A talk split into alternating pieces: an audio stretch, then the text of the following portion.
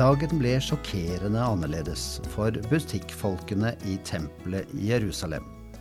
Her satt de som vanlig og solgte religiøst utstyr, vekslet penger og så folk komme og gå. Jo, det kunne oppstå krangel av og til om varenes kvalitet og vekslingskursene.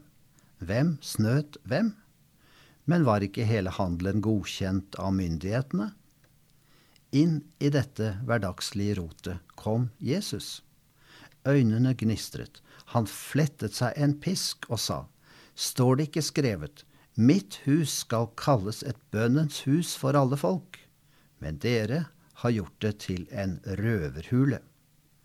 Han velter et bord, ja, flere, bang, knas, pengene raste ned i søla. Ikke lenge etter går noe helt annet for seg i tempelforgården. Butikkfolkene har forsvunnet, folk står enkeltvis og i grupper og ber. Noen med sykdommer og funksjonshemminger kommer inn i tempelet, og Jesus helbreder dem.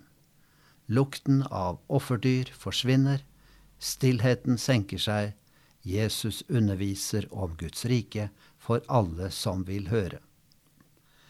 Kan det være galt å drive handel med religiøse ting?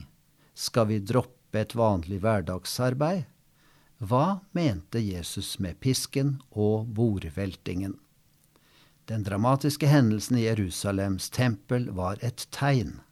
En ytre symbolhandling skal lære oss en åndelig sannhet. Apostelen Paulus har gitt oss en nøkkel til å forstå det hele. Han spør, vet dere ikke at dere er Guds tempel, og at Guds ånd bor i dere. Det er tid for å tenke på hva hjertet ditt er fylt av. Er det et tempel for Gud, eller har det krøpet inn en masse ting som ikke skulle være der? For eksempel en dominerende lyst på stadig mer penger og makt. I tilfelle er det tid for å be Jesus om å rense opp og kaste ut for i hjertet må det være plass til bønn, læring, tjeneste, takk og lovprisning. Jesus vil gjerne ta seg av deg. Guds hellige ånd vil sette sitt preg på deg. Du er hans bolig, hans tempel.